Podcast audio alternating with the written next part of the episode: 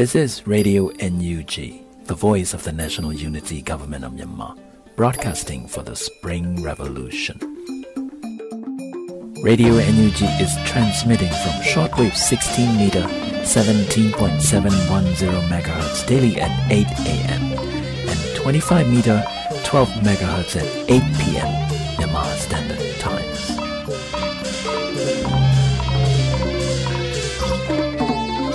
Mingla မျိုးသားညီညွတ်ရေးအစိုးရရဲ့အသံလွှင့်ဌာန Radio NUG ကိုမနေ့၈နာရီမှာ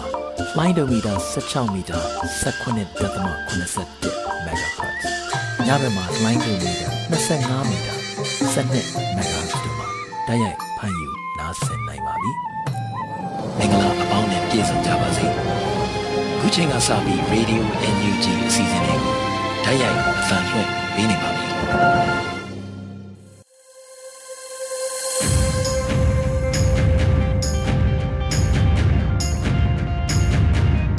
မြန်မာနိုင်ငံသူနိုင်ငံသားအပေါင်းတဘာဝပြီးစစ်အာဏာရှင်ဘေးတို့ကနေကင်းဝေးပြီးကိုစိတ်နှဖျားစမ်းမလုံးချုံကြပါစေလို့ရေဒီယို UNG ဖွဲ့သားများကဆုတောင်းမေတ္တာပို့သလိုက်ရပါတယ်ရှင်။အခုချိန်ကစပြီးရေဒီယို UNG ရဲ့နေ့စဉ်သတင်းများကိုຫນွေဦးမောင်နဲ့ຫນွေဦးမှုန်တို့မှတင်ဆက်ပေးမှာဖြစ်ပါတယ်ရှင်။ မင်္ဂလာညချမ်းပါရှင်။အောက်တိုဘာလ10ရက်နေ့ကပြည်တွင်းသတင်းများကိုတင်ဆက်ပေးသွားမှာပဲဖြစ်ပါတယ်။ သတင်းကောင်းစင်တွေကတော့ဂန်ကောကလေးကားလမ်းမှာကုံစီပို့ဆောင်ရေးကားသမားတွေဒါဇင်ဝက်နီးပါးပျောက်ဆုံးနေတဲ့သတင်း။တဝဲမြစ်ရေလဲကျွန်းပေါ်မတက်ရန်တားမြစ်ထားတဲ့အတွက်တဏိတကြားချက်သူများအခက်တွေ့နေတဲ့သတင်းနဲ့လွိုင်းလင်းနဲ့ပင်လုံမှာ COVID-19 ရောဂါကူးစက်မှုတွေဆက်လက်မြင့်တက်နေတဲ့ဆိုတဲ့သတင်းတွေကိုတင်ဆက်ပေးသွားမှာပဲဖြစ်ပါတယ်။ခုပထမဆုံးသတင်းဖြစ်တဲ့ ကံကောကလေးကားလမ်းမှာကုံစီပို့ဆောင်ရေးကားသမားတွေဒါဇင်ဝက်နီးပါးပျောက်ဆုံးနေတဲ့ဆိုတဲ့သတင်းကိုကျမຫນွေဦးမွန်ကတင်ဆက်ပေးပါမယ်ရှင်။မကွေးတိုင်းကံကောမြို့နယ်မြောက်ပိုင်းနဲ့စကိုင်းတိုင်းကလေးမြို့နယ်တောင်ပိုင်းကိုဆက်သွဲဖောက်လုပ်ထားတဲ့ကံကောကလေးကားလမ်းမှာကုံစီပို့ဆောင်နေတဲ့ကားသမားတွေပျောက်ဆုံးတာများလာနေတယ်လို့ပျောက်ဆုံးနေတဲ့ကားသမားတွေရဲ့မိသားစုအတိုင်းအဝိုင်းကပြောပါတယ်။အဲဒီလိုဆက်သွဲမရဘဲပျောက်ဆုံးနေတဲ့ကာယကံရှင်ကားသမားမိသားစုဝင်တစ်ယောက်က ကလေးမျိုးဘက်ကိုတွဲကားနဲ့ကတ္တရာပေးပါသွားပို့တာဂန်ကောကလေးကြားမွေလေရွာနားကမီးလောင်ထားတဲ့စန္ဒဘိန်းကားကိုတိန်းရှောင်ရင်သူတို့ကားကမှောက်သွားတယ်။အဲ့ဒါကပြီးခဲ့တဲ့စက်တင်ဘာ29ကဖြစ်တာ။ accident ဖြစ်တုန်းကဖုန်းဆက်သွယ်ရသေးတယ်။အဲ့ဒီနောက်ဖုန်းဆက်မရဘဲပျောက်ဆုံးနေတာလောက်ဝက်နီးပါးရှိနေပြီလို့ပြောပါတယ်။ရန်ကုန်ကနေကလေးမျိုးဘက်ကိုလမ်းခင်းတဲ့ကတ္တရာပေးပါတွေကိုတည်ယူပို့ဆောင်လာတဲ့တွဲကားမောင်းသူဟာမုံရွာခရိုင်ဘူးတလင်မြို့နယ်ကရင်မောင်းကိုစော်မိုးဦးနဲ့ ရင်နောက်လိုက်ကိုမင်းခန့်ဆိုတဲ့ကားသမားနှစ်ယောက်ပျောက်ဆုံးနေတာဖြစ်တယ်လို့သိရပါတယ်။ဒါအပြင်မုံရွာကလေးတမူကုန်းစီပို့ဆောင်ရေးကားသမားဒါဇင်ဝက်လောက်ဟာလည်းပြီးခဲ့တဲ့စက်တင်ဘာလတည်းကကလေးမြို့နယ်မှန်တော်ရွာနဲ့ဆယ်တော်ရွာကြားဂန်ကောကလေးကားလမ်းမှာဆက်သွယ်မရဘဲဒီကနေ့အထိပျောက်ဆုံးနေတာတွေရှိတယ်လို့ကုန်းကားသမားအတိုင်းအဝိုင်းကပြောပါတယ်။အဲ့ဒီကားသမားတွေပျောက်ဆုံးနေတာနဲ့ပတ်သက်လို့ဘာကြောင့်ပျောက်ဆုံးနေရတယ်ဆိုတာကာယကံရှင်မိသားစုတွေကိုယ်တိုင်ကမသိရသေးသလို အဖမ်းခံရတာနဲ့အသက်ခံရတာတခုခုဖြစ်နိုင်တယ်လို့အဲ့ဒီကားသမားတွေနဲ့နီးစပ်သူတွေကထင်ကြီးပေးပြောဆိုနေကြတာတွေလည်းရှိပါတယ်။မုံရွာပလဲကန်ကောကလေးကားလမ်းမှာမီးလောင်ပျက်စီးနေတဲ့ကုန်တင်ကားတွေအိမ်စည်းကားတွေအပြင်ဆိုင်ကယ်တွေပါမြင်တွေ့ခဲ့ရပြီးဘာကြောင့်အဲ့ဒီလိုမီးလောင်ပျက်စီးနေရတာလဲဆိုတာမသိသေးဘူးလို့မုံရွာကလေးကားသမားတွေကပြောပါတယ်။ကလေးကန်ကောပလဲကြားကားလမ်းမှာ ရင်ပြက်တွေတွေ့ရတယ်တကယ်အနိဋ္ဌာယုံမြင်ကွင်းတွေပါအဲ့ဒီပျက်စီးနေတဲ့ရင်တွေနဲ့ပတ်သက်ပြီးကားသမားတွေသေဆုံးတာပျောက်ဆုံးတာတွေရှိတယ်လို့ရန်နာစခန်းထမင်းဆိုင်တွေကပြောပါတယ်ဖြစ်နိုင်ရင်တော့အဲ့ဒီချိန်မှာအဲ့ဒီလမ်းကြောင်းကိုရှောင်တာကောင်းတယ်လို့မုံရွာမြို့ကန်ကားသမားတယောက်ကပြောပါတယ်အဲ့ဒါကြောင့်မုံရွာကလေးတမူချင်းအောင်ဘက်ကိုသွာလာနေတဲ့ကားသမားတွေဟာမုံရွာပလဲကန်ကောကလေးကားလမ်းကြောင်းကိုသွာလာတာမလုပ်တော့ပဲမိုးရာသီမှာသွာလာဖို့ခက်ခဲတဲ့ မုံရွာရေဦးဒဇယ်ကလေးဝမဟာမြိုင်ကားလမ်းကြောင်းကိုအခက်ခဲကြကပြောင်းလဲသွာလာနေကြရတာဖြစ်ပါတယ်။အဲ့ဒီမဟာမြိုင်ကားလမ်းမှတ်တိုင်အမှတ်40နှစ်ဝန်းကျင်မှာအခုလ10ရက်နေ့ကမိုးရွာသွန်းမှုများပြီးတောကျင်ပွတ်တန်းမှာကားအစီးရေ150ခန့်သွာလာမရပိတ်မိတာတွေဖြစ်ခဲ့ပါသေးတယ်ရှင်။ဆက်လက်ပြီးကြန့်ရှိနေတဲ့သတင်းတွေကိုຫນွေဦးမောင်ကတင်ဆက်ပေးသွားမှာဖြစ်ပါတယ်။ယခုဆက်လက်ပြီးကြန့်ရှိသတင်းများကိုကျွန်တော်နေဦးမောင်မှတင်ဆက်ပေးပါမယ်။ တင်ဆက်ပေးမယ့်သတင်းကတော့လွိုင်းလင်နဲ့ပင်လုံမှာယောဂါကူးစက်မှုတွေဆက်လက်မြင့်တက်နေတဲ့သတင်းပဲဖြစ်ပါတယ်ခင်ဗျာ။ရှမ်းတောင်လွိုင်းလင်ခရိုင်လွိုင်းလင်နဲ့ပင်လုံမြို့နယ်မှာကိုဗစ်ရောဂါကူးစက်မှုဟာအောက်တိုဘာပထမပတ်အထိမြင့်တက်နေကြောင်းမြို့ကန်တို့ကပြောပါတယ်။လွိုင်းလင်နဲ့ပင်လုံမြို့ဟာနီးစပ်တဲ့မြို့တွေဖြစ်ကြပြီးအောက်တိုဘာ၁ရက်မှ9ရက်အထိတပတ်အတွင်းယောဂါကူးစက်လူနာ186ဦးရှိကြောင်းလွိုင်းလင်မြို့နယ် COVID-19 သတင်းထုတ်ပြန်ချက်အရသိရပါတယ်။ ယောဂကူးစက်မှုရောကြခြင်းမရှိတာကြောင့်အောက်တိုဘာ9ရက်မှ23ရက်အထိလွိုင်းလင်းမြို့မဈေးနဲ့ပင်လုံမြို့မဈေးတို့ကိုမနက်9နာရီမှ10နာရီအထိအသားငါးတတိဟင်းသီးဟင်းရွက်ဆေးဝါးနဲ့အခြေခံစားသောက်ကုန်ပစ္စည်းတွေကိုသာရောင်းချခွင့်ပေးကြောင်းလွိုင်းလင်းမြို့မြို့နယ်စီမံသားယာရေးဌာနကအောက်တိုဘာ6ရက်နေ့မှာကြေညာစာထုတ်ထားပါတယ်ခင်ဗျာယောဂအခြေအနေကတက်လိုက်ကြလိုက်ဒီလိုပါပဲ ဆိုင်အများစုကတော့ပိတ်ထားကြတယ်ကျွန်တော်ဆိုင်တော့ဖွင့်ထားတယ်ဒါပေမဲ့စောစောပြန်ပိတ်လိုက်ရတာပဲဗျအစင်းကုန်မပြေပါဘူးကုန်စည်နှုန်းတွေကလည်း share တက်တာဆိုပြီးပင်လုံမြို့ဈေးတွင်းရှိမြေဩစာဆိုင်ရှင်ကပြောပါတယ်ပင်လုံလွိုင်းလင်းမြို့ရှိညာစီတန်းတွေကိုလည်းအောက်တိုဘာ6ရက်ကစတင်ပြီးတော့အကုန်ပိတ်ထားရကြောင်းသိရပါတယ်ခင်ဗျာ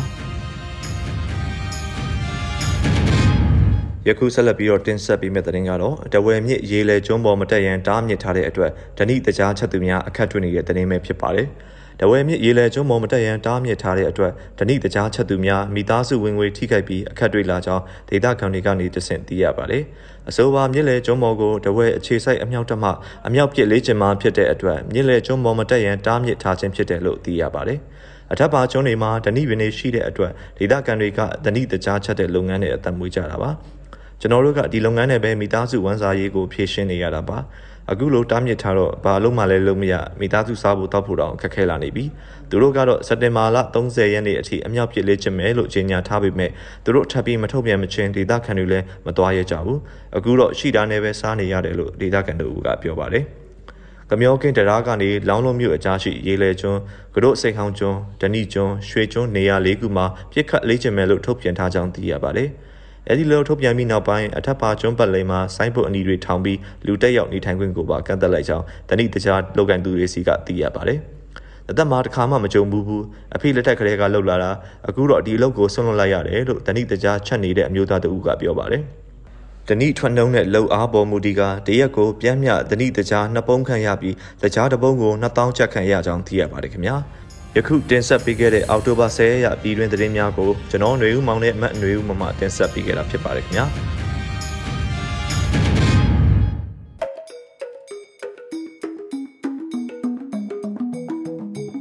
ရေဒီယိုအယူဂျီမှအတန်းလွှင့်နေပါတယ်ရှင်အခုဆက်လက်ပြီးပြည်သူတိုက်ပွဲသတင်းများကိုကျော်ຫນွေဦးမှတင်ဆက်ပေးမှာဖြစ်ပါတယ်ရှင် ပထမဆုံးတင်ဆက်ပေးမှာကတော့တာကီတမှာစစ်ကောင်စီတပ်ဖွဲ့ဝင်များဘုံခွဲတိုက်ခိုက်ခံရပြီးထိခိုက်ဒေဆုံးမှုရှိခဲ့တဲ့တဲ့မှာရန်ကုန်တိုင်းတာကီတမြို့နယ်၄ရက်ကွက်အနီးရှုကင်းသာလမ်းမပေါ်ရေရက်စခန်းအရှိမရင်းဖောက်ခွဲတိုက်ခိုက်မှုများကိုလှုပ်ဆောင်ခဲ့ကြောင်းရန်ကုန်မြို့တွင်လှုပ်ရှားနေတဲ့တော်လန်ရေးပျောက်ကြားအဖွဲ့ကသတင်းထုတ်ပြန်ခဲ့တာပါရှုကင်းသာလမ်းမှာဖောက်ခွဲမှုအကြီးစားတစ်ခုကိုလှုပ်ဆောင်ခဲ့ပြီးဘုံရှင်းလင်းရန်စစ်ကောင်စီတပ်ဖွဲ့ဝင်များလာရောက်စင်မှာနောက်ထပ်ဖောက်ခွဲမှုထပ်မံပြုလုပ်ကာတိုက်ခိုက်ခဲ့ခြင်းဖြစ်တယ်လို့ BFRAF ပျောက်ကြားအဖွဲ့ကသတင်းထုတ်ပြန်ခဲ့ပါတယ်။အဆိုပါတိုက်ခိုက်မှုမှာစစ်ကောင်စီတပ်ဖွဲ့ဝင်များထိခိုက်ဒေဆုံးမှုများရှိနိုင်တယ်လို့လည်းသိရပါတယ်။စစ်ကောင်စီကိုတိုက်ခိုက်နေတဲ့တော်လန်ရေးပျောက်ကြားများကယခုရက်ပိုင်းမှာတိုက်ခိုက်မှုများပုံမလှုပ်ဆောင်လာနိုင်ပြီးအများပြည်သူများအသွားအလာဂရုစိုက်ကြရန်တတိပေးထုတ်ပြန်ချက်များကိုလည်းထုတ်ပြန်ထားတာပါဆက်လက်ပြီးလာမဝိုင်းနဲ့တေရက်သည်လို့ဆိုင်းဘုတ်ချိတ်ဆွဲထားတဲ့ရွှေဘိုရဲစခန်းတိုက်ခိုက်ခံရတဲ့တဲ့ရင်ကိုတင်ဆက်ပေးမှာပါ။စကိုင်းတိုင်းရွှေဘိုမြို့မှာ လာမဝိုင်းနဲ့တေရက်သည်ဟုဆိုင်းဘုတ်ချိတ်ဆွဲထားကလင့်စဉ်များပါတိစောက်ထားတဲ့ရွှေဘိုမြို့မှာရဲစခန်းကို People Defense Force ရွှေဘိုကယနေ့အောက်တိုဘာလ10ရက်နေ့ကဘုံတွေနဲ့တိုက်ခိုက်ခဲ့တာပါ။တိုက်ခိုက်ခံရမှုကြောင့်ရွှေဘိုရဲစခန်းတွေကစစ်ကောင်စီတပ်ဖွဲ့ဝင်များကြောက်အားလန့်အားဆုတ်ခွာထွက်ပြေးခဲ့ကြပြီးတနက်ရန်တမ်းပစ်ခတ်မှုများရှိခဲ့တော့လဲရွှေဘို PDF ဘက်ကအထိကိမရှိဆုတ်ခွာနိုင်ခဲ့ကြောင်းသိရပါဗျ။ အနီရောင်နယ်မြေမှာပြုလုပ်တဲ့စစ်စင်ရေးဖြစ်တာကြောင့်ထိခိုက်ပျက်စီးမှုနဲ့တေဆုံးမှုရှိမရှိကိုစီစစ်နိုင်ခဲ့ခြင်းမရှိသေးကြောင်းရွှေဘို PDF ကသတင်းထုတ်ပြန်ထားပါတယ်။ဆက်လက်ပြီးအင်အား150ကျော်ပါစစ်ကောင်စီစစ်ကြောင်းကို YDF ကမိုင်းဆွဲတိုက်ခိုက်လို့စစ်ကောင်စီတပ်သား20ကျော်တေဆုံးခဲ့တဲ့သတင်းကိုတင်ဆက်ပေးမှာပါ။မကွေးတိုင်းဂံကောခရိုင်စောကြောက်ထုလမ်းပိုင်းမှာစစ်ကြောင်းနှကြောင်းနဲ့ခြိတက်လာတဲ့အင်အား150ကျော်ပါစစ်ကောင်စီတပ်ဖွဲ့ဝင်များအားအော်တိုဘာလ9ရက်နနက်9နာရီခန့်မှာ YDF စောကြောက်ထုအဖွဲ့ကမိုင်းခွဲတိုက်ခိုက်ပြီးစစ်ကောင်စီမှ20ဦးထက်မနည်းတေဆုံးကြောင်း YDF ကသတင်းထုတ်ပြန်ထားပါတယ်။ YDF စောကြောက်ထုအဖွဲ့ကမိုင်းအကြီးနှလုံးပဒေသာမိုင်း40လုံးဖြင့်ဖောက်ခွဲကလက်နက်ကြီးဖြင့်9ချက်ပစ်ခတ်တိုက်ခိုက်ခဲ့ကြောင်းစစ်ကောင်စီမှ20ကျော်တေဆုံးကအများအပြားဒဏ်ရာရသွားကြောင်းတိုက်ပွဲဟာအော်တိုဘာလ9ရက်ညနေ4နာရီတွင်ပြီးဆုံးခဲ့ကြောင်းထုတ်ပြန်ချက်မှာဖော်ပြထားတာပါဆက်လက်ပြီး ဒက်ဘင်းမှာစစ်ကောင်စီစစ်ကြောင်းနဲ့ရင်နှန်းကိုဒက်ဘင်း PDF ကမိုင်းဆွဲတိုက်ခိုက်ခဲ့ပြီးစစ်ကောင်စီတပ်ဖွဲ့ဝင်12ဦးထက်မနည်းတေဆုံးခဲ့တဲ့တဲ့ရင်ကိုတင်ဆက်ပေးမှာပါတပင်းမြို့နယ်အုံးတပင်ကျေးရွာနဲ့ပကံကျေးရွာကြားမှာကျေးရွာများအတွင်ဝင်ရောက်ခါပြည်သူပိုင်ပစ္စည်းများကိုလူရက်နေတဲ့အကြမ်းဖက်စစ်ကောင်စီစစ်ကြောင်းနဲ့ရင်နှန်းကို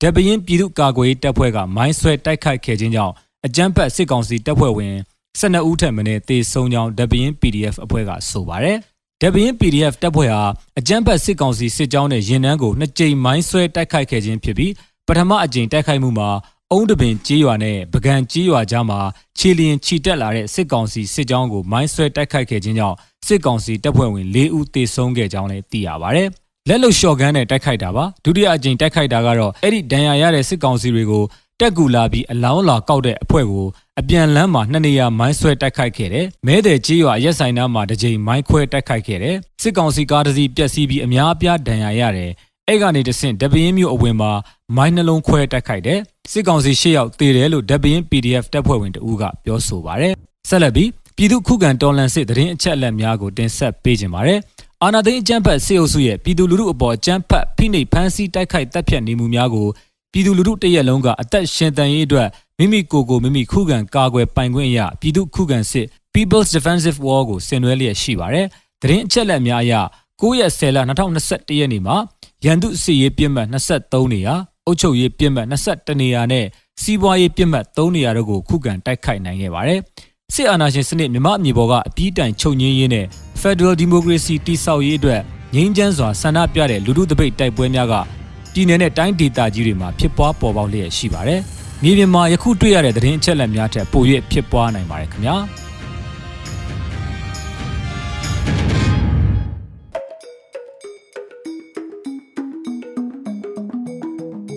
Radio UNG မှဆက်လက်အသံလွှင့်နေပါတယ်ရှင်။အခုဆက်လက်ပြီးမြင်းချံမြို့မလူငယ်များတည်ကုံထားတဲ့တော်လှန်ရေးအတွက်တီးတပုတ်ကိုခန်းစားနားဆင်ကြရမှာဖြစ်ပါတယ်ရှင်။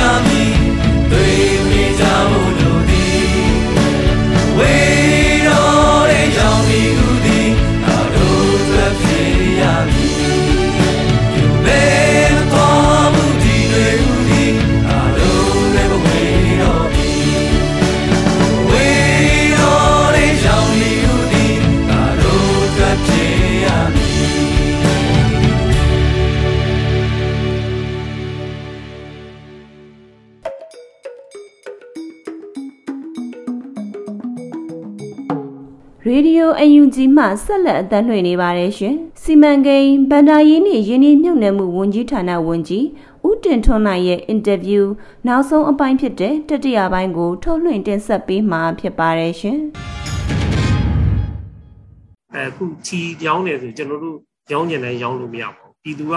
မဝယ်လို့ရှိရင်ကျွန်တော်တို့ရောင်းလို့မရဘူးနမူနာအနေနဲ့အောက်ပါလေးချီပဲချီပေါ့နော်ပြည်သူကမဝယ်တဲ့အခါကျတော့သူတို့ဘယ်လောက်ရောင်းကျင်ရောင်းကျင်ရောင်းလို့မရပါဘူးဒါလည်းကျွန်တော်တို့ဝန်ကြီးဌာန လက်တူလက်တွဲပြီးတော့ဆောင်ရွက်နိုင်ခဲ့တဲ့ပေါ့နော်ဟိုကိစ္စရက်တွေဖြစ်ပါတယ်အာနောက်တစ်ချက်ကတော့အခွန်ကောက်ပါတယ်အခွန်ဆိုတာကျွန်တော်တို့တော်လိုင်းရေးအစိုးရဖြစ်နေတယ်ဒီတော်လိုင်းရေးအစိုးရကိုအခွန်ဆောင်မှုဆိုတာပြည်သူတွေအနေနဲ့တုံးတန်ဟိုစွန့်စားမှုနဲ့ပေါ့နော်ဟိုပုံမှန်အစိုးရဆိုတဲ့အချိန်တောင်မှပြည်သူတွေကအခွန်ဆိုတာတိတ်ပြီးတော့ဆောင်မှုဆိုတာကိုနည်းနည်းဝင်လေးတဲ့အနေအထားမှာကျွန်တော်တို့ဒီလိုတော်လိုင်းအစိုးရမှာခွန်ဆောင်တဲ့လူတွေဒီနဲ့ ဟိုစွန့်စားပြီးတော့လဲဆောင်ရတယ်နော်ဟိုတုံယုံတိုင်ယုံစိတ်နဲ့သူတို့ဆောင်လို့ဟိုဆောင်တာမဟုတ်ပါဘူးဟိုဒါကြောင့်မလို့ဒါတွေကိုလည်းကျွန်တော်တို့အနေနဲ့ကတော့ဝန်ကြီးဌာနအနေနဲ့ကိုလေနောက်ထပ်ကိုလေဟိုပြောင်ပြောင်းတဲ့ဆောင်ရွက်ချက်တွေလို့ပဲကျွန်တော်တို့ဆိုရမှာဖြစ်ပါတယ်မကြခင်မှာလည်းကျွန်တော်တို့ဝေတိုက်စာချုပ်တွေထုတ်ရောင်းပါမယ်ဒါတွေထုတ်ရောင်းတဲ့အခါမှာလည်းပြည်သူကအလားတူပေါ့နော်ဟိုဆက်လက်ပြီးတော့ကိုလေကျွန်တော်တို့လည်းအတူတကွလက်တွဲပြီးတော့ဟိုဒီသမိုင်းမှတ်တမ်း ကြံရင့်မဲ့ပေါ့လေဟိုပြောင်ပြောင်းတဲ့ဆောင်ရွက်ချက်တွေဟိုအကောင့်ထဲပေါ်နိုင်မယ်လို့လည်းကျွန်တော်အနေနဲ့ပြောကြားလိုပါတယ်ဟုတ်ကဲ့ပါဆရာဒီအာနာတိမ့်ပြီးတဲ့နောက်ပေါ့နော်ရှစ်လမပြည့်ခင်မှာမြန်မာကျပ်ငွေတန်ဖိုးကဒါဇောက်ကူးထိပိုးကျသွားတာကိုတွေ့ရပါတယ်အဲ့တော့ဒီအာနာမသိန်းရလိုမျိုးမြန်မာငွေတန်ဖိုးဟိုပြန်တက်လာမယ့်အခြေအနေရောရှိနိုင်လားဆရာဆရာရဲ့သုံးသပ်ချက်လေးပြောပြပေးပါဦးတကယ်တော့ဗျာကျွန်တော်တို့ကဒီမြန်မာချက်ငွေတန်ဖိုးဘာကြောင့်ထူးခြားသွားလဲဆိုရင်နံပါတ်1ချက်ကတော့သူတို့ဒီ အာနာသိမ်းထားတဲ့ဒီစစ်အာဏာရှင်တွေပေါ့နော်ဟောဒီလူတွေကိုပြည်သူကယုံကြည်မှုကင်းမဲ့သွားတယ်အဲသူတို့ကနေပြီးတော့ဟိုစီမံခန့်ခွဲနေတဲ့ပေါ့နော်ရန်တရားတစ်ခုလုံးပေါ့လေအထူးဖြင့်ဗန်တွေပေါ့နော်အာအထူးအားဖြင့်ကျွန်တော်တို့မြန်မာနိုင်ငံတော်ဗဟိုဘဏ်ပေါ့နော်ဒါတွေကိုလည်းပြည်သူဘက်ကနေပြီးတော့ယုံကြည်မှုကင်းမဲ့သွားတယ်အဲတော့ private ဘဏ်တွေလည်းအလားတူပါပဲမြန်မာနိုင်ငံတော်ဗဟိုဘဏ်ရဲ့စီမံခန့်ခွဲမှုအလွဲမှားတွေကြောင့်မလို့ဒီပုဂ္ဂလိကဘဏ်တွေမှာအနံ့ထားတဲ့ ပတ်စံတွေကိုလည်းပြည်သူကဟိုပြန်ထုတ်ချင်ကြတယ်ဟိုယုံကြည်မှုမဲ့သွားတာပေါ့နော်ယုံကြည်မှုမဲ့သွားတာတွေကနေပြီးတော့တလွင်ငင်တစ်စင်ပါပြီးတော့အခုဒီနောက်ပိုင်းပါပေါ့နော်မြန်မာငွေတန်ဖိုးอ่ะပေါ့လေဟိုကြာဆင်းလာတယ်ပေါ့လေကြာဆင်းလာတယ်အဲ့တော့ပြည်သူတွေကလက်ထဲမှာလည်းမြန်မာငွေကိုတိတ်ပြီးတော့ဟိုမယုံကြည်ကြတော့ဘူးပေါ့နော်မယုံကြည်ကြတော့ဘူးဆိုတာလည်းဟိုစစ်ကောင်စီကနေပြီးတော့သူတို့ရဲ့ဗန္ဒာငွေလိုအပ်ချက်ပေါ့သူတို့တက်ဆိုးရှိဖို့အတွက်ပေါ့နော် ဟိုပုံမှန်အစိုးရတွေဆိုရင်လုံးလေလုံးတာမရှိတယ်ပေါ့လေအာဟိုပါပေါ့လေငွေဆက်ကူတွေကိုမဟာတရားပေါ့နော်ဂျိုင်းနေထုတ်ဝေဖို့သူတို့စူးစမ်းတာတွေလည်းပြည်သူတွေကမြင်နေရတယ်ကြားနေရတယ်ဒါကြောင့်မလို့ကျွန်တော်တို့ရဲ့မြန်မာငွေတန်ဖိုးကကျတဲ့ကျလာတာဖြစ်တယ်ပေါ့နော်အဲ့တော့ကျွန်တော်တို့အနေနဲ့ကတော့ဒီဟိုတော်လန်ရေးတာအောင်မြင်အဲအောင်မြင်လိုက်တာ ਨੇ ပေါ့နော်တော်လန်ရေးအောင်မြင်လိုက်တာ ਨੇ ဒီကိစ္စတွေအားလုံးကို ဟိုကျွန်တော်တို့အနေနဲ့ပြည်သူနဲ့အတူလက်တွဲပြီးတော့အလွယ်တကူကြော်ဖြတ်နိုင်တယ်ဆိုတာတော့ကျွန်တော်တို့အပြည့်အဝယုံကြည်တယ်အခိုင်အမာလည်းယုံကြည်တယ်။ဘာကြောင့်လဲဆိုတော့ဒီဟာတွေအားလုံးရဲ့ဟိုလက်သေးတရခံပေါ့နော်အာနာသိမ့်ထားတဲ့အာစစ်ကောင်စီသားတွေဖြစ်တယ်သူတို့ရဲ့စီမံခန့်ခွဲမှုအလွဲမားတွေရဲ့သူတို့ရဲ့ပြည်သူရဲ့ထောက်ခံမှုမရတာပြည်သူကသူတို့ပေါ်မှာနာကြီးတာမယုံကြည်တာတွေကြောင့်မလို့ဒီပြဿနာတွေကဟိုတနင်္ဂနွေဒဇင်ဘာပြီးဖြစ်ပေါ်လာတာဖြစ်ပါတယ် ဒါကြောင့်မလို့သူတို့ကမရှိတော့ဘူးကျွန်တော်တို့ဒီတော်လန်ရေးရတာပြည်သူတွေကအောင်ပွဲရရှိပြီဆိုလို့ရှိရင်နောင်ပဲဖြစ်ပေါ်လာမဲ့ပေါ့လေဒီ Federal Democracy ပြည်တော်စုအစိုးရဘယ်အစိုးရပဲဖြစ်ဖြစ်ပါပြည်သူနဲ့အတူလက်တွဲပြီးတော့ဒီတိုင်းပြည်ကိုပြန်လဲပြီးတော့ဟိုအလွယ်တကူပေါ့လေကျွန်တော်တို့ပြန်လဲပြီးတော့ထူထောင်နိုင်မယ်ဆိုတော့ကျွန်တော်အနေနဲ့ချွင်းချက်မရှိယုံကြည်ပါတယ်ဗျ။ဒါကြောင့်မလို့ခုဖြစ်နေတဲ့ပြဿနာတွေ အဲစီးပွားရေးတွေပေါ့နော်မြန်မာငွေတန်ဖိုးချတာတွေအားလုံးဒီတော်လိုင်းရေးအောင်တာနဲ့ပေါ့နော်ဟိုအားလုံးဟိုပါပေါ့လေဟိုဟိုအစအနေပြန်ပြီးတော့ဟိုကျွန်တော်တို့ပြန်လဲပြီးတော့တိဆောက်သွားနိုင်မယ်လို့လည်းကျွန်တော်အနေနဲ့တော့ပြောချင်ပါတယ်ဟုတ်ဟုတ်ကဲ့ပါဆရာအဲ့တော့လေဒီဆီယနာသိန်းလက်ထက်မှာဝေတန်ဖို့ပြန်တက်လာမယ်လို့ထင်လားဆရာအဲဒါကကျွန်တော်တို့ခုနလိုပဲယောဂရဲ့စစ်မြစ်ပေါ့နော် root cause root cause ကသူတို့ကြောင့်ဖြစ်နေတာအဲ့တော့သူတို့ဒီမြမမြေပေါ်ကနေပြီးတော့သူတို့မပြောက်ွယ်သေးသေး၍ပေါ့နော်ဟိုခုနငွေတန်ဖို့ဆိုတာပြန်တက်လာဖို့ဆိုတာကျွန်တော်မမြင်ပါဘူးကျွန်တော်မမြင်ပါဘူးဘာကြောင့်လဲဆိုတော့အဲ့ဒီအခြေခံကြတဲ့အကြောင်းတရားကိုကျွန်တော်တို့ကမဖယ်ရှားနိုင်သေးဘူးပေါ့ဗျာယောဂတစ်ခုလို့ပေါ့နော်ယောဂတစ်ခုလို့ပေါ့လူတယောက်မှာယောဂဖြစ်နေတယ်ဆိုလို့ချင်းအဲ့ဒီယောဂရဲ့ဇင်းမြစ်ကိုကျွန်တော်တို့ကမဖယ်ရှားနိုင်သေးသူဒီလူကဘယ်တော့မှဒီ ယောဂပျောက်ကင်းသွားမှာမဟုတ်ပါဘူးအဲ့တော့သူတို့ကဆေးမီးလိုပုံစံမျိုးတွေနဲ့ပေါ့နော်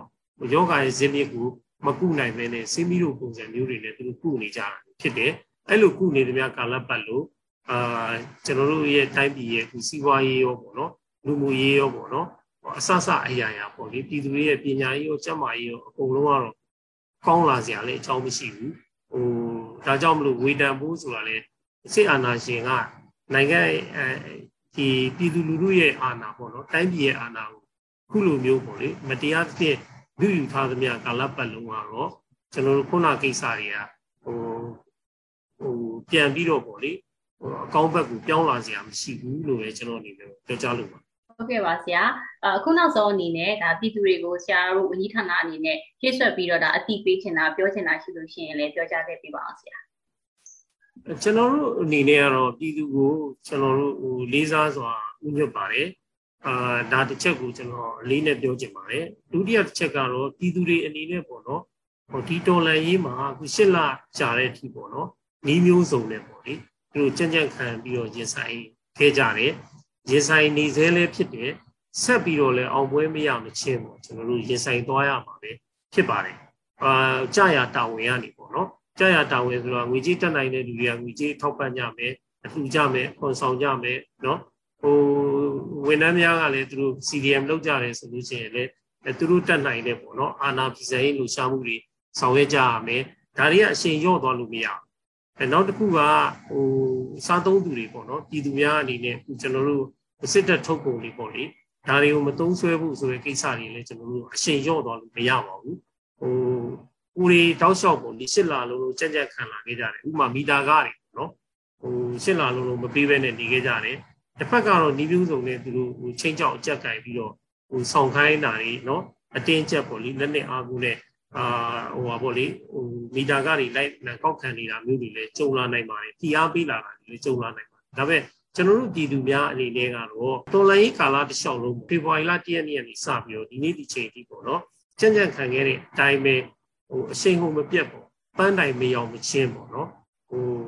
ကျွန်တော်တို့ကနေပြီးတော့ဆက်လက်ပြီးတော့ဟိုချီတက်သွားဖို့လိုတယ်အရှိန်ဟုန်မပြတ်ဆိုတဲ့အခါမှာလည်းကျွန်တော်တို့ကဟိုစားတတိအဲလာတတိအဲသွားတတိပေါ့နော်တော်လန်ရေးတတိနဲ့ဟိုစားတတိဆိုတာကကိုစားနေတာကစစ်တပ်ထုတ်ကုန်တွေနဲ့အာပတ်သက်တဲ့ဟိုပါပေါ့လေဟိုအစားတောက်တွေကိုကိုစားမိနေတာလားပေါ့နော်ဥမာကိုမြန်မာဘီယာတွေဟိုဘီယာတောက်တတ်တဲ့လူဆိုကိုမြန်မာဘီယာတောက်မိနေသလားပေါ့နော် အဲ့ဒါလေးတွေကိုတတိအမြဲကတ်ပြီးတော့ပေါ့လေကိုတက်နိုင်တဲ့ကိစ္စကိုတော့လုံးဝဟိုဟိုပါပေါ့လေဟိုဟိုအကြပေါက်မရှိအောင်ပေါ့နော်ပြည်သူများကနေပြီးတော့ဆောင်ရွက်ဖို့လိုပါတယ်ဓမ္မသာလင်ကျွန်တော်တို့တော်လန်ရေးရပေါ့နော်ဟိုအောင်အောင်မြင်မြင်နဲ့အချိန်တိုတိုးတွဲမှာဟိုအောင်ပွဲကိုရရှိမှာဖြစ်ပါတယ်နောက်တစ်ချက်ကတော့ကျွန်တော်တို့ခုလဲပြည်သူတွေအနေနဲ့ပေါ့နော်ကျွန်တော်တို့ရဲ့တော်လိုင်းအရှိန်ကအာ NUG အစိုးရနဲ့ပေါ့လေပြည်သူနဲ့လက်တွဲပြီးတော့ တိုက်ပွဲဝင်နေတဲ့တော်လိုင်းအရှိန်ကဟိုတစ်ဖက်ကစစ်အာဏာရှင်တွေအပေါ်မှာပေါ့လေဟိုအသာစီးရနေတာတွေလည်းကျွန်တော်တို့သတင်းတွေပေါ့နော်ဟို social media တွေရောနီးစပ်ရာသတင်းတွေတွေမှာလည်းတွေ့နေရပါနောက်တစ်ခုကကျွန်တော်တို့အမနေ့ကဆိုလို့ရှိရင်လည်းကျွန်တော်တို့ဒီဟိုဘာပေါ့ပြင်သစ်ပေါ့လေဟိုပြင်သစ်နိုင်ငံလွှတ်တော်ကနေပြီးတော့ NUG အစိုးရကိုအတိမတ်ပြုဖို့အတွက်ပေါ့လေအဲသူတို့ဘက်ကနေပြီးတော့ဟိုကန့်ကွက်မဲမရှိဘဲနဲ့ လွှတ်တော်ကနေအတီးပြုလိုက်တဲ့ကိစ္စတွေလည်းရှိပါတယ်ဒါနိုင်ငံရေးရောစီးပွားရေးရောပေါ့နော်စစ်မျက်နှာအားလုံးမှာစစ်ရေးရောပေါ့နော်စစ်မျက်နှာအားလုံးမှာစစ်ကောင်စီကလဲလဲပြူပြူဟိုရေးနေနေတယ်ပေါ့နော်အဲ့တော့ကျွန်တော်တို့ပြည်သူများအားမလျှော့ပါနဲ့ကျွန်တော်တို့ဒီပွဲကိုနိုင်အောင်တိုက်မှဖြစ်မယ်အောင်ပွဲကလည်းတိတ်မကြခင်မှာကျွန်တော်တို့စီကိုရောက်ရှိလာမှာဖြစ်တဲ့အတွက်အာပြည်သူများကိုတော့ကျွန်တော်အထူးအလေးနဲ့ပေါ့လေမေတ္တာရက်ခံထိုက်တွန်းလိုတာက ဟိုတော်လိုင်းအရှိန်ဟိုဟိုပါပေါ့အရှိန်ဟိုမကြောက်ပေါ့လေဆက်လက်ပြီးတော့ကြင်ကြက်ခိုင်ရင်းနဲ့တိုက်ပွဲဝင်သွားကြရအောင်လို့ပဲကျွန်တော်အနေနဲ့တော့ပြည်သူဟိုတည်ပြီးပြောကြလို့ပါခင်ဗျာကျေးဇူးတင်ပါတယ်ဟုတ်ကဲ့ပါဆရာအခုလိုမျိုးဒါမှအားရကြနေပြီးတော့ချိန်ပေးဖြေကြပေးရတော့လဲဆရာကိုကျေးဇူးအများကြီးတင်ပါတယ်ဆရာ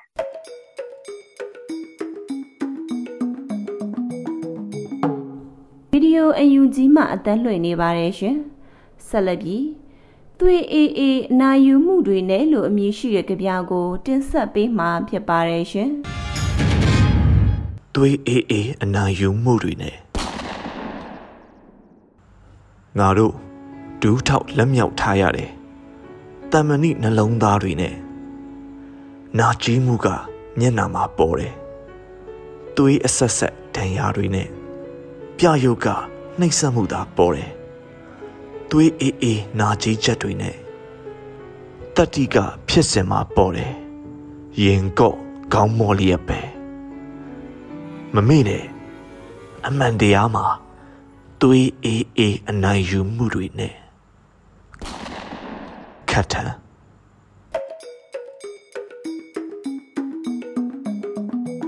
ရေဒီယိုအယူဂျီမှတင်ဆက်ပေးနေပါတယ်ရှင်ဆက်လက်ပြီးထုတ်လွှင့်ပေးချင်တာကတော့ ဘူကြီးလင်းထအောင်မှပြည်သူစစ်သားရဲဘော်များတို့ CDM တိုက်တွန်းချက်ဖြစ်ပါတယ်ရှင်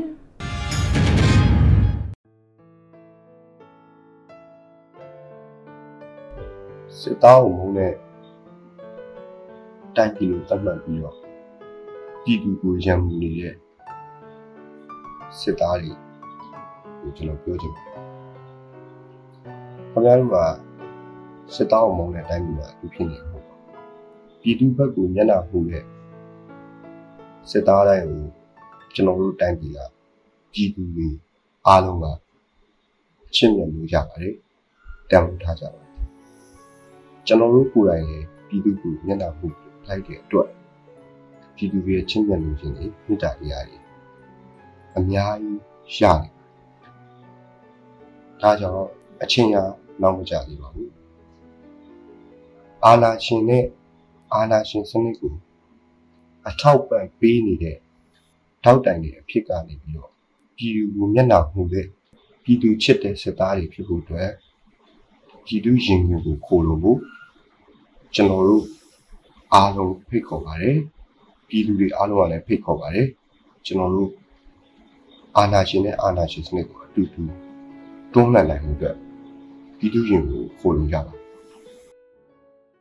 ဒီကနေ့တော့ဒီညနဲ့ပဲ Radio NUG အစီအစဉ်လေးကိုကိတ္တရန်နာလိုက်ပါမယ်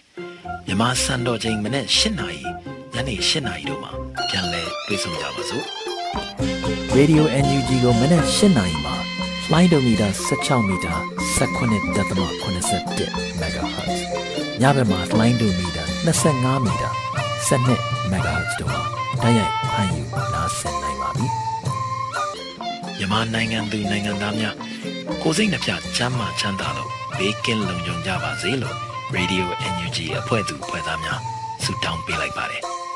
အမျိုးသားညီညွတ်ရေးအစိုးရရဲ့ဆက်သွယ်ရေးသတင်းအချက်အလက်နဲ့ဤပညာဝန်ကြီးဌာနကထုတ်လွှင့်နေတဲ့ Radio NUG ဖြစ်ပါတယ်။ San Francisco Bay Area ခြေဆိုင်မြန်မာမိသားစုများနဲ့